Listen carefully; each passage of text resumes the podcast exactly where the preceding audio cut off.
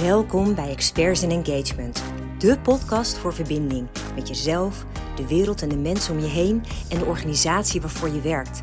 Ik vertel je van alles over geluk, werkgeluk, hoogsensitiviteit, gezondheid, lifestyle en fashion. Laat je inspireren en maak van geluk je lifestyle.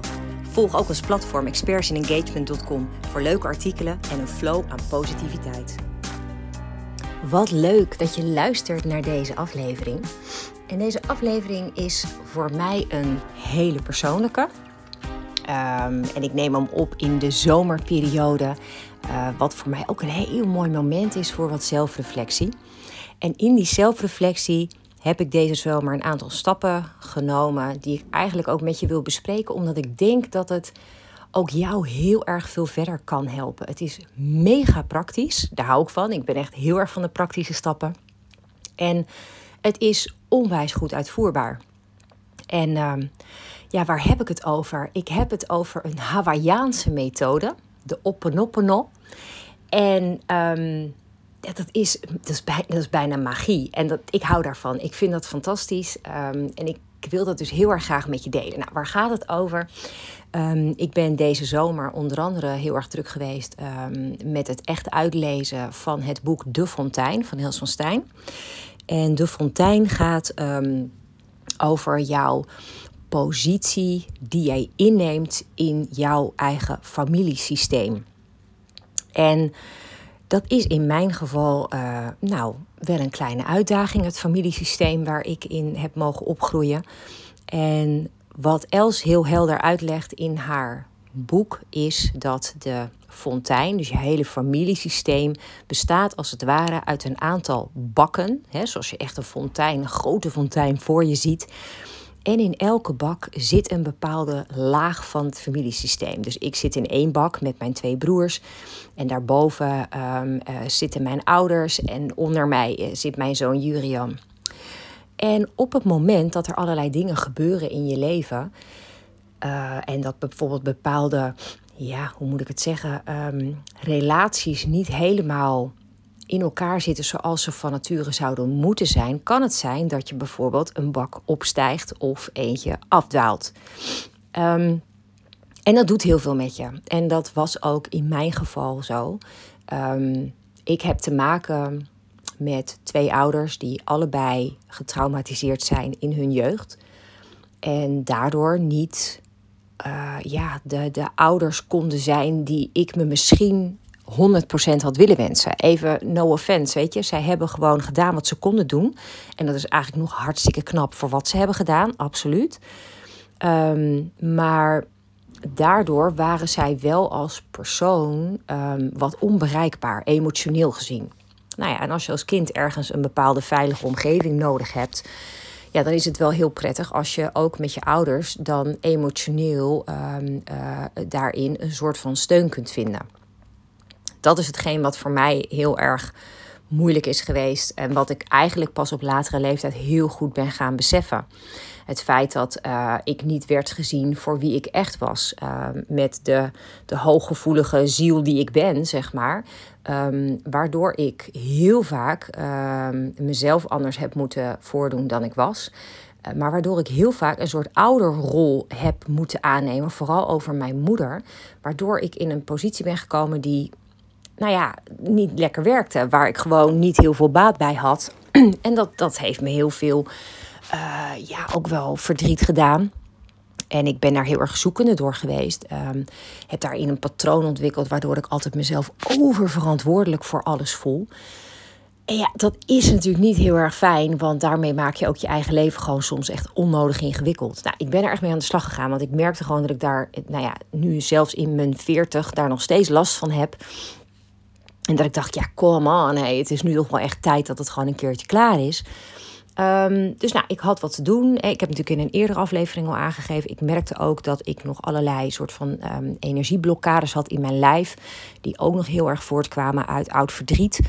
Um, en ik dacht, ja, dit is gewoon wel echt het moment. Ik heb vorig jaar natuurlijk al hypnotherapie gedaan. Dat heeft al een heel stuk opgeruimd. maar het voelde een beetje als nou ja, die laatste uh, schop die ik mezelf onder mijn kont moest geven. Om te zorgen dat ik dus echt deze laatste stap kan zetten. En nou, daar ook een bepaalde rust in kan vinden. Nou, wat wil ik met je bespreken? Is um, naar aanleiding van ja, de wetenschap, uh, hoe mijn leven in elkaar zat, welke keuzes ik daarin gemaakt heb en welke uh, consequenties dat had, is het natuurlijk ook fijn als je weet hoe dat feitelijk allemaal in elkaar zit en hoe het voelt. En dat je weet van nou, wat voel ik daar dan bij. Dat je ook echt kunt gaan werken naar een oplossing. Nou, en dat vond ik dus echt super cool, want ik kwam dus in aanraking met dus deze Hawaïaanse Oponopono. Ik vind het echt fantastisch. Het is, gewoon, alleen dat al is, het klinkt ook gewoon lieflijk. En ik vind het fantastisch. Het is een ritueel voor vergeving en reiniging. En dat komt uh, in, het, in Hawaii, zeg maar, vanuit het shamanisme. En het, bijzondere vind ik dat ze het dus al vanaf de jaren zeventig is het door Morna Simeona is het um, ja, een soort van vertaald naar meer een moderne toepassing ervan. En het zijn dus uh, vier hele mooie stappen, waardoor je niet alleen uh, meer van jezelf gaat houden, doordat je heel erg ook de verbinding aangaat met wat je dus nodig hebt. Um, en um, ja, weet je, dat je dat ook jezelf kan geven. Um, en, maar ook, weet je, je kan dit doen zonder verder iemand nodig te hebben. Dit kun je gewoon helemaal alleen doen. En dat maakt het natuurlijk wel ongelooflijk makkelijk. Nou, wat is het hele ding? Ik heb natuurlijk al vaker ook verteld over kwantumfysica en dat alles energie is. Alles wat jij denkt kun je omzetten naar materiaal. Dus hebben we een bepaald gevoel, een bepaalde emotie, wat ons bijvoorbeeld beperkt, dan materialiseer je dat ook vervolgens weer. En dat versterkt dan elke keer dat je er aandacht aan geeft heb je bijvoorbeeld vanuit je verleden heel erg meegekregen om te denken in tekorten? Um, dan gun je jezelf bijvoorbeeld ook niks, omdat je dan altijd, ja, dat is voor mij toch niet weggelegd. Of nou, daar heb ik het geld toch niet voor. Weet je? En op het moment dat je dat maar steeds tegen jezelf zegt, met ook echt zo'n negatieve emotie daarachter, dan is dat ook wat je dus realiseert en hoe je leven er dus uit gaat zien. En wat ik dus heel cool vind, is dat je dus met deze methode jezelf je daarbij kan helpen. Dus wat doe je eigenlijk? Je hield als het ware jezelf door sorry te zeggen, ook tegen jezelf. En door vergeving te vragen, ook aan jezelf bijvoorbeeld. Om dus vervolgens dat oude programma waar je heel erg in vast zat, te kunnen overschrijven. En daarmee ga je dan weer heel erg je verbinden met in dit geval dus ook heel erg liefde en dankbaarheid. In plaats van een soort van tekort aan vertrouwen. En da daar zit echt wel een heel belangrijk ding. Um, nou, het klinkt misschien allemaal wat vaag, dus ik ga het praktischer maken. Ik ga het gewoon veel meer voor je duiden, zodat je ook echt snapt wat ik bedoel. Super praktisch. Kies voor jou eens iets dat een grote uitdaging is in je leven. denk bijvoorbeeld aan een verlies van iets, of misschien een verslaving, of een bepaald gedrag. Ik de, heb daarbij dus heel erg gekozen voor um, nou ja, de, de moeizame relatie die ik voornamelijk met mijn moeder heb. Um, op dit moment zelfs geen relatie. Dus dat betekent ook dat ik dat echt even in mijn eentje moet doen. Uh, om te zorgen dat ik dat dan toch een goede plek kan geven. Zodat ik niet meer die zware, verdrietige emotie erop heb zitten. Dat was voor mij heel erg het uitgangspunt. Ik wilde werken aan dat gevoel wat ik daar heel erg bij had. Kijk, wat er is gebeurd, is gebeurd. En ik dacht, ja, dat is, dat is, dat is heel rationeel. Um, maar ik merkte dat ik daar nog steeds wel regelmatig wel wat last van heb. He, zoals je bijvoorbeeld inderdaad dat je dus uh, verdriet ergens vasthoudt in je lijf. Je lijf is echt zo gigantisch eerlijk tegen je. Je kan in je hoofd van alles bedenken en dat je dingen wel verwerkt hebt, maar je lijf ligt niet. Um, en dat vond ik een hele mooie eye-opener. Dus voor mij is, is dat hetgeen waar ik op heb, um, me op heb gericht. Nou goed, wat je dan doet. Je haalt dus je situatie voor ogen waar je eigenlijk aan wil werken. Nou, in mijn geval was dat dus de situatie met: hey, hoe uh, voel ik mij over die relatie met mijn moeder? Hè? Hoe, hoe, wat doet dat nog steeds in mijn, in mijn systeem? Wat, wat voel ik daar nog steeds van? Vervolgens ga je een paar keer, je zit gewoon rustig op een plek waar je niet echt gestoord kan worden. En je gaat een paar keer gewoon diep in- en uitademen. Gewoon om even helemaal chill te worden. Dat je gewoon compleet ontspannen bent. Dat is echt onwijs belangrijk. En dan gaan we vier stappen doorlopen. En dat kan je helemaal stilletjes in jezelf doen. Je kan het hardop doen. Ik praat altijd in mezelf. Ik heb het wel eens vaker gezegd, denk ik. Maar ik doe heel veel hardop. Um, maar doe wat bij jou past. Weet je, je kan het ook opschrijven. Um, je kan het hardop zeggen. Je kan het in gedachten zeggen. Wat je wil. Goed. Waar gaat het over? Je, we beginnen met stap 1. En stap 1 is zeggen: Ik hou van je. En in mijn geval zeg ik dat onder andere tegen mezelf, maar ook tegen mijn moeder. Want ik besef dat wie zij ook is, welke keuzes ze ook heeft gemaakt, zij is ook gewoon een mens en zij is ook gewoon in haar ervaring hier op aarde, um, in haar best mogelijke kunnen aan het doen wat ze doet. En sommige dingen kan ze wel wat doen, sommige dingen kan ze wat minder wat aan doen. Maar dat is wat het is. En ik kan haar als persoon dan wel zien als, nou, ik hou wel van je. En het mooiste is, liefde is zo'n ongelooflijk grote kracht. Ehm, en door dus ik hou van je te zeggen, ook tegen jezelf, zeg je dat ook als het ware tegen het universum. Dus je zegt het ook tegen, in dit geval zeg ik het dan ook tegen mijn moeder, dus tegen een persoon. Stel voor, je hebt het nu over een bepaalde ruzie of iets dan kun je dit ook tegen die andere persoon zeggen. Je zegt het tegen jezelf, tegen alles wat je in je hebt, je gedachten, je ziel. En daarmee maak je dus eigenlijk ook echt een heel goed contact met je eigen hart. Kom je heel even uit dat hoofd. En dat is in mijn geval ook best wel een uitdaging soms, want ik zit heel vaak in mijn hoofd. Maar door heel erg goed op je ademhaling te letten, um, kun je dus in die ontspanning je gewoon even richten op. De, hou desnoods je hand op je hart. Leg je hand op je hart. Voel je hart kloppen. En op het moment dat je je hart voelt kloppen, en dan zeg je: Ik hou van jou. Echt het meest gemeend hoe je het kan zeggen. Ik hou van jou. En dat vind ik zo mooi, want ik kan het oprecht tegen mezelf zeggen. Het kan je ook ongelooflijk helpen om het in de spiegel tegen jezelf te zeggen dan komt die letterlijk je ziel ook binnen doordat je jezelf aankijkt in de spiegel. Dus dat is ook een hele mooie truc. Je kan het opschrijven dus. Maar de eerste stap is gewoon durf dit ook echt te voelen. Ik hou van jou. Ik hou van jou, van mezelf. Ik hou van de persoon die hierbij betrokken is. En ik hou van de situatie. En dat ga ik je zo meteen uitleggen waarom. Daar hou ik ook van. Als je eerst die liefde vol kan benoemen. En ik ga er meteen even bij zeggen: het zijn vier stappen, maar die vier stappen hoeven niet per se in die volgorde plaats te vinden. Het is maar net wat voor jou het beste werkt. Dus voor mij is stap 1 in principe: ik hou van jou. Is het gewoon vanuit liefde deze situatie bekijken en van daaruit de volgende stappen te zetten. Stap 2, maar dat mag dus ook stap 1, stap 3 of stap 4 zijn, is zeggen: het spijt me.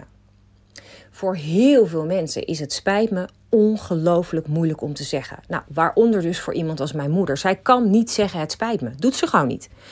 En ik heb in het verleden heel wat gekke methodes gezien waarop zij dan in haar manier wil zeggen het spijt me. En dan kwam ze vroeger wel eens met iets van een cadeautje aan en dat was dan het spijt me. maar de woorden het spijt me, nou vergeet het maar, dat kwam niet. En ik heb wel geleerd dat als ik heel oprecht kan zeggen: het spijt me, en dat ook kan voelen, dat dat ook helpt. Het is een soort van genezing of zo. En dat is dus wel een hele last. Dus als je die heel erg moeilijk vindt, dan is het misschien handiger om die later in de stappen te doen, want anders loop je eigenlijk al direct vast. Maar waar het voor mij hier om gaat, wat spijt mij dan? Als ik zeg het spijt me, dan spijt het mij dat ik deze situatie zo lang heb laten doorspelen als ik dat heb laten doen. Weet je, waardoor ik dus veel te lang in een soort van verdrietige modus heb gezeten, die ik misschien al veel eerder had kunnen oplossen. Oké, ik was daar misschien nog niet en dat spijt me dan ook. Weet je wel, dat ik dus niet zo ver was al. Ik heb dat gewoon nog niet eerder helemaal ontdekt hoe ik dat kon doen. Maar goed, voor nu geef ik dan aan van goh, ik heb misschien um, deze situatie te lang vastgehouden. En daarbij, wat ik heel erg uh, leerzaam vond, ook aan het boek De Fontein, is dat je weer even met je neus op de feiten gedrukt wordt.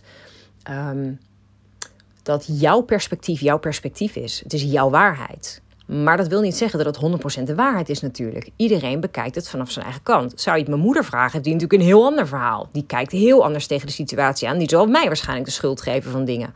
Zo werkt dat. En ik dacht wel bij mezelf, en dat was waar ik wel een soort van spijt van had, is dat ik niet eerder ook daarin het wat meer kon nuanceren voor mezelf. Ik heb het te zwart-wit laten worden in mijn gevoel, in mijn hoofd. En dat vond ik wel een lastige. Dus het ging er voor mij niet zozeer om wat nou goed of fout was in deze situatie, maar meer de nuance. Weet je, dus er is een situatie ontstaan en ik heb dat in mijn hoofd ook groter laten worden misschien dan het was. En daar heb ik dan spijt van. Ik vind het zonde voor mezelf dat ik daar zo lang aan vast heb gehouden. En ik durf ook te kijken naar wat mijn aandeel daar dus in was. En mijn aandeel was dus dat ik ten eerste hè, dat ik dus te veel de verantwoordelijkheid heb gevoeld voor mijn moeder. Dat ik te veel in een soort ouderrol boven haar ben gaan staan. Daar heb ik spijt van. Dat spijt mij, want ik heb mezelf daarmee ook tekort gedaan. En dat vond ik echt zo'n onwijze eye-opener, dat je dat dus gewoon op die manier ook kan zien. En ja, ik, ik vind dat echt fantastisch. Dat je op die manier dus ook wel echt de, je eigen verantwoordelijkheid daarin kan pakken. En zoals Els het ook zegt, het gaat erover wat is van jou en wat is van die ander. En laat datgene wat van die ander is ook daar. Nou, en als ik dan kijk hè, naar bijvoorbeeld um, de, de, de soort van traumatische jeugd die mijn moeder heeft gehad. Hoe erg dat ook is, dat is haar lot geweest. Niet dat van mij. Mijn lot was dat ik een moeder heb getroffen die dus zo een last had van haar traumatische jeugd, dat ze daardoor niet voor mij volledig beschikbaar kon zijn. Dat is mijn lot. Dus dat is wat ik mag aanvaarden. En dat is waar ik mee mag leren leven. En dat is waar ik mee om mag leren gaan. En dat vond ik een hele mooie eye-opener. Dat ik dacht, oké, dus inderdaad, dat hele ding van wat haar is overkomen. Ja, het maakt helder waarom zij de, de dingen doet die ze doet. Maar dat maakt nog niet voor mij dat ik daar iets mee hoef te doen. Ik heb er alleen maar last van gehad dat zij daar verder niks mee gedaan heeft. Dat, dat is, dat is, dat is mijn, mijn ding. Maar het grappige daarbij is dus, als ik er dus heel erg over nadenk van ja, maar oké, dan heb ik dus allerlei dingen ervaren doordat zij was wie ze was. En achteraf heeft mij dat wel heel erg gevormd tot de persoon die ik nu ben. Klinkt misschien allemaal heel vaag, maar de ervaringen die je meemaakt in je leven, die vormen je. Die maken je over het algemeen veel sterker, veel krachtiger. En daar ben ik dankbaar voor. Weet je, dus ik durf oprecht te zeggen: het spijt me. Voor het feit dat ik dus inderdaad een soort van moederrol heb aangenomen over mijn moeder. Het feit dat ik mezelf tekort heb gedaan door al die shit van haar op mijn schouders te nemen. En daarmee um, mijn jonge leven vooral moeilijker heb gemaakt dan wellicht nodig was. En het, het ingewikkelde daaraan is ook nog, hè, want dat, dat beschrijft Els ook heel helder. Als kind voel je je heel snel oververantwoordelijk en zie je het niet als een plicht om dit te doen, maar dat gaat bijna een soort van automatisch. En dan moet je ook nog net hoogsensitief zijn, nou dan ben je helemaal het haasje. Weet je, dan gaat het een soort van uh, uh, als natuurlijk dat je als kind um, voor die ouder wil zorgen die dan zo kwetsbaar is. Um, daar is dus niks goed of fout aan. Weet je, dat gebeurt nou eenmaal. Um, alleen in mijn volwassen leven nu durf ik dan tegen mezelf te zeggen: shit, het spijt me. Weet je, ik had het anders willen doen. Het kon niet. Um, maar het, het is gebeurd. En het spijt me vooral dat ik het te lang heb laten doorlopen. Het spijt me dat ik niet eerder um, hier heel bewust mee aan de slag ben gegaan. Nou, en dat is dan prima. Dan accepteer ik daarmee die verantwoordelijkheid. Um, ja, en dan weet ik ook heel helder van oké, wat heeft mij pijn gedaan en uh, hoe kan ik het oplossen. Nou, en dat, dat, dat vind ik een hele mooie stap. Dus dat, dat is voor mij ook echt de tweede stap.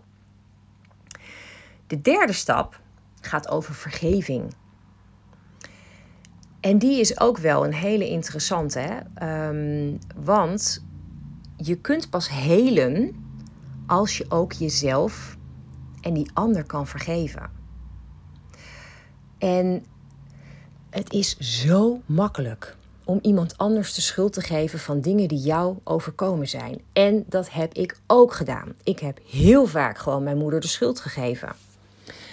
Maar als ik dus heel erg nu concreet kijk naar mijn eigen aandeel daarin, heb ik natuurlijk zelf ook stappen gezet. Waardoor ik dingen heb laten gebeuren die niet zo handig waren. Ik heb dus daarmee ook mezelf gekwetst. En dat is natuurlijk wel een hele spannende. En dat is ook wat je bijvoorbeeld heel erg leert bij ehm, de, de wet van aantrekking. Als je echt, echt de wet van aantrekking goed wil toepassen, moet je allereerst begrijpen dat je zelf 100% verantwoordelijk bent voor de keuzes die je maakt voor jouw leven. Je kan heel makkelijk de anderen schuld geven, maar dan ga je nooit je leven verbeteren. Dan ga je nooit komen waar je wil komen. En ik vind dat dus een hele interessante, omdat ik dus nu ook mezelf ehm, heb vergeven. Uh, voor het feit dat ik het dus te lang heb laten voortduren. Uh, voor het feit dat ik dingen misschien te zwart-wit heb gezien. Uh, op dat moment nog niet in staat was om dat te kunnen nuanceren, omdat de pijn nog te groot was. En ik ben ook in staat om in die zin mijn moeder te vergeven. Ook omdat ik kan zien dat dit haar best mogelijke kunnen was. Er zat gewoon niet meer in. That's it. En dat heeft ervoor gezorgd dat ik dus wel de keuze heb gemaakt om niet meer dat contact te hebben. Juist omdat ik weet dat er geen verbetering mogelijk is. er is een heel, heel um, fragiel contact via Instagram. Maar dat is het. En dat is oké. maar ik merk ook dat ik niet eraan toe ben om het dichterbij te laten. Ehm, omdat ik weet dat zij als persoon nog niet veranderd is. Zij is gewoon wie zij is. En dat matcht gewoon niet. En dat is oké. Weet je, daar heb ik helemaal vrede mee. Dat is oké. Ehm, ik heb ervoor gekozen, en dat heeft dan ook weer met die familiesystemen te maken, om een bepaald patroon wat in mijn familielijn zat te doorbreken. Ik heb ervoor gekozen om dingen met Jurian bijvoorbeeld heel anders te doen dan dat mijn moeder dat met mij heeft gedaan en haar moeder met haar. En dat vind ik zo gigantisch waardevol. En het is ook wel heel apart, want ik kan daardoor ook wel weer meer van een afstand daarnaar kijken. En ik kan heel goed tegen mijn moeder zeggen: Ik vergeef je dit echt volledig, want je wist ook niet beter. Weet je? En dat, dat is gewoon ook echt wat het is. En dat vind ik wel ook weer heel krachtig, want dat helpt mij ook weer, doordat ik haar dan um, nou ja, haar op die plek kan laten staan. In dit geval bijvoorbeeld in die fontein. Van nou, mam, ik zie dat jij jouw lot uit jouw verleden bij je draagt. Maar ik kan daar niks mee. Ik vergeef jou voor hoe je daarmee bent omgegaan en hoe je dat hebt geprojecteerd weer op mij. Dat vergeef ik je. Weet je? En ik vergeef het dus ook mezelf dat ik te lang aan deze situatie heb vastgehouden. En het mooie daarvan vind ik ook dat je dan je ook weer direct veel vriendelijker kan worden tegen jezelf. En als je dus tegen jezelf zegt: Ik vergeef mezelf, zorg dan ook dat je het echt meent. Dat maakt het krachtig. En als je dan het vergeven, die fase hebt gehad, dan kom je in mijn situatie, in mijn optiek, in de mooiste fase. En dat is de fase van dankbaarheid. Ik zei het al even toen we begonnen met de eerste stap met ik hou van jou. Dat is een ongelooflijk krachtige stap. Dankbaarheid is minstens net zo krachtig. Ik heb het al zo vaak gezegd in mijn podcast. Maar op het moment dat ik in mijn leven concreet de dankbaarheid heb omarmd, is mijn leven zo bizar veel mooier geworden dat kan ik je echt alleen maar aanraden. En ik ben dankbaar voor heel veel dingen in deze situatie. Want ik ben namelijk wel mijn ouders dankbaar. dat ze mijn ouders zijn, want anders was ik er niet geweest. Is ook zo'n simpel ding, weet je wel. Dus ik ben heel dankbaar dat zij boven mij staan in die fontein en dat zij mij het leven hebben gegeven. Maar ik ben ze ook dankbaar voor de lastige situaties die ze me hebben gegeven, want daar ben ik wel heel erg door gegroeid. Was ook makkelijk? Nee. Maar dat geeft niet, want het heeft mij wel gemaakt tot de persoon die ik vandaag ben. En dat is een persoon waar ik eigenlijk op dit moment heel trots op ben. Um, waarvan ik weet dat ik heel geliefd ben binnen mijn gezin. Dus ik doe blijkbaar iets heel goed. Um, waarbij ik geliefd ben in een kring waarin ik werk, bijvoorbeeld. Um, hoeveel opdrachtgevers ik niet heb die maar continu terug blijven komen. Ergens doe ik blijkbaar iets heel goed. Dus ik ben dankbaar voor bepaalde keuzes die ik heb gemaakt, die mij hebben gebracht naar waar ik nu ben. Ik ben ook dankbaar voor de dingen die mijn ouders wel heel goed hebben kunnen doen. Juist omdat ik besef dat het voor hen niet vanzelfsprekend was, omdat ze zelf niet dat goede voorbeeld hebben gekregen vanuit hun opgroeien. Dat maakt mij dankbaar. Um, het maakt me dankbaar dat dingen als um, zo'n boek als De Fontein op mijn pad kwam, dat zo'n um, zo'n Hawaïaanse methode op mijn pad komt. het maakt me dankbaar dat ik ongelooflijk veel kennis tot me kan nemen om deze situatie in een ander licht te gaan zien, waardoor het letterlijk lichter wordt.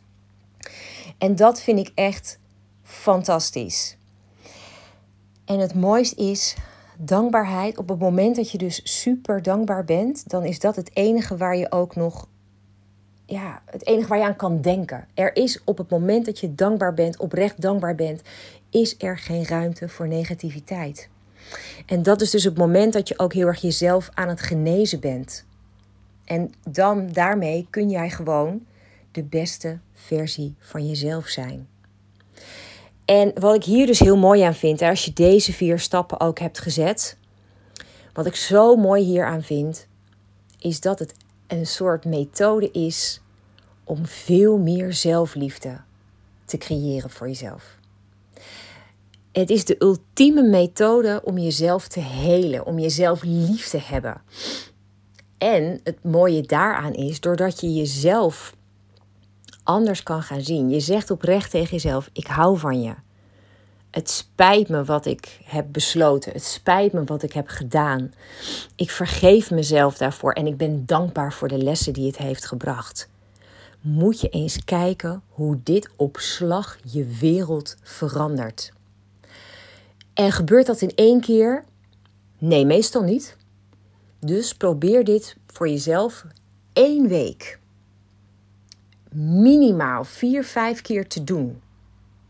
En moet je dan eens opletten welke veranderingen jij al voelt en ziet in je leven. Ik heb dit dus drie weken lang achter elkaar eigenlijk uitgevoerd. En het grappige was dat er best wel dingen waren waarvan ik dacht, nou daar, daar kan ik me nooit overheen zetten. Ook dat loste zich op. Ook dat werd lichter. En het mooie is, iedereen kan dit doen. Iedereen is hiertoe in staat. Want wat ik al zei, je hebt hier niemand bij nodig. Dit is wat jij voor jezelf kunt doen op een momentje dat jij rust kan pakken. Het is ook niet dat je er uren voor nodig hebt. Want ja, je kan bij wijze van spreken, het zijn vier uh, bewuste dingen die je tegen jezelf zegt. Stel dat je per onderdeel drie, vier minuten daar echt even bewust voor pakt, ben je in ruim een kwartier klaar. Nou, wat kun je nou niet. Dit, dit, dit, daar kan je toch niet omheen. Dat, dat mag je toch jezelf gunnen. Ik vind dat dus al een ultieme vorm van zelfliefde. Op het moment dat jij jezelf het gunt om met dit soort stappen, met deze vier stappen, naar een situatie te kijken die jou verdrietig maakt, of die je gekwetst laat voelen, of die je pijn heeft gedaan, of um, die je gefrustreerd laat voelen. Het maakt niet uit wat het is. Als je jezelf gunt om hier zo'n kwartiertje per dag aan te werken, heel bewust, vanuit een onwijs ontspannen mood, en hier echt even in kan duiken en dit echt tot in het diepst van je hart kunt voelen, dan weet ik zeker dat jij na een aantal keren dit gedaan te hebben, dat je echt oprecht veranderingen gaat voelen. Al was het maar omdat je je lichter voelt, al was het maar omdat er mooie nieuwe dingen op je pad komen. En het is zo ongelooflijk fijn als er letterlijk een last van je schouders valt. Doordat je bijvoorbeeld uitspreekt naar jezelf: ik vergeef mezelf of ik vergeef die ander. Het is ongelooflijk wat een verlichting dat brengt. En het maakt dus helemaal niet uit hoe die ander erin staat. Het gaat erom dat jij jezelf dit geluk gunt. Dus ik hoop echt oprecht dat je hier ja, ergens door geïnspireerd raakt. Ik zal eventjes in de mm, beschrijving van deze aflevering even heel duidelijk beschrijven hoe dit precies heet. Want ik raad je aan, ga hierop googlen. Ga hier op onderzoek uit om dit voor jezelf toe te passen. En ervaar alsjeblieft dat fijne, heerlijke, warme, lichte gevoel wat ik ook mag ervaren. Ik gun het je zo. Dankjewel dat je wilde luisteren naar deze aflevering. En mocht je iemand weten waarvan je denkt, zo, die kan dit ook wel gebruiken. Ik zou het zo ongelooflijk waarderen als je dan de aflevering wilt delen met hem of haar. Zou ik echt fantastisch vinden. Dus super dank en uh, graag tot snel weer. Ik zou het te gek vinden als je je abonneert op de podcast. Of als je naar onze website expertsandengagement.com gaat en je abonneert op de nieuwsbrief. Dan krijg je elke week de nieuwste artikelen recht in je mailbox. Tot snel.